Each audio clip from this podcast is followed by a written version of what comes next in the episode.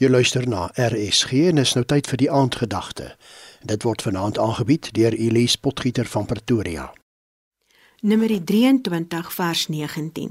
God is nie 'n man dat hy sou lieg nie en nie 'n mensekind dat hy van plan sou verander nie. Sou hy iets sê en dit nie doen nie? Sou hy praat en dit nie gestaan doen nie? Goeienaand luisteraars. Hoe goed ken ons God ons Vader? Ken ons hom goed genoeg dat ons met 'n opregte vertroue elke dag kan bid. Nie my wil nie, Vader, maar U wil. Raadpleeg ons God ons Vader in elke besluit wat ons neem, groot of klein. In Numeri 23 lees ons die verhaal van Biljam en Balak. Balak, die koning van die Moabiete, het net een wens gehad en dit was dat Biljam Israel moes vervloek.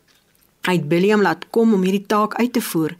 Maar Biljam het God Almagtig teen daardie tyd al goed genoeg geken om te weet dat jy uiters versigtig moet wees om nie teen God Almagtig se wil in te gaan nie. En voordat jy enige besluit mag neem, jy eers God Almagtig moet raadpleeg. Want elke keer as Balak hom aangesê het om die Israeliete te vervloek, het Biljam gesê hy moet eers die Here raadpleeg.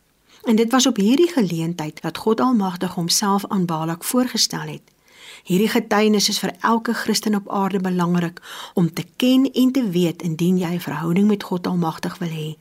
En dit begin met 'n vergelyking wat God met hom en die mens maak. Hy sê: "Ek is nie 'n mens dat ek sou lieg nie. My doen en late verander ook nie soos wat die omstandighede verander nie. As God iets sê, doen hy dit. As hy iets beloof, voer hy dit uit."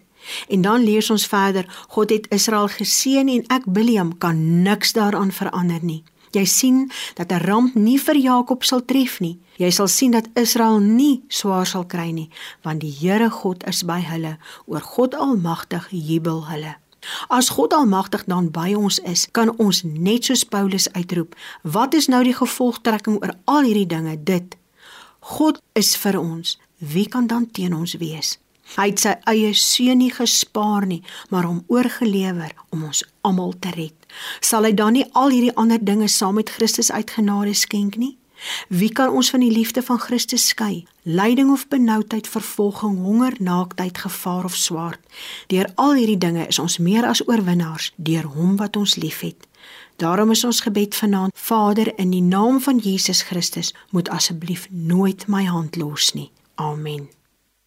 Dit was dan die aandgedagte hier op RSG, aangebied deur Elise Potgieter van Pretoria.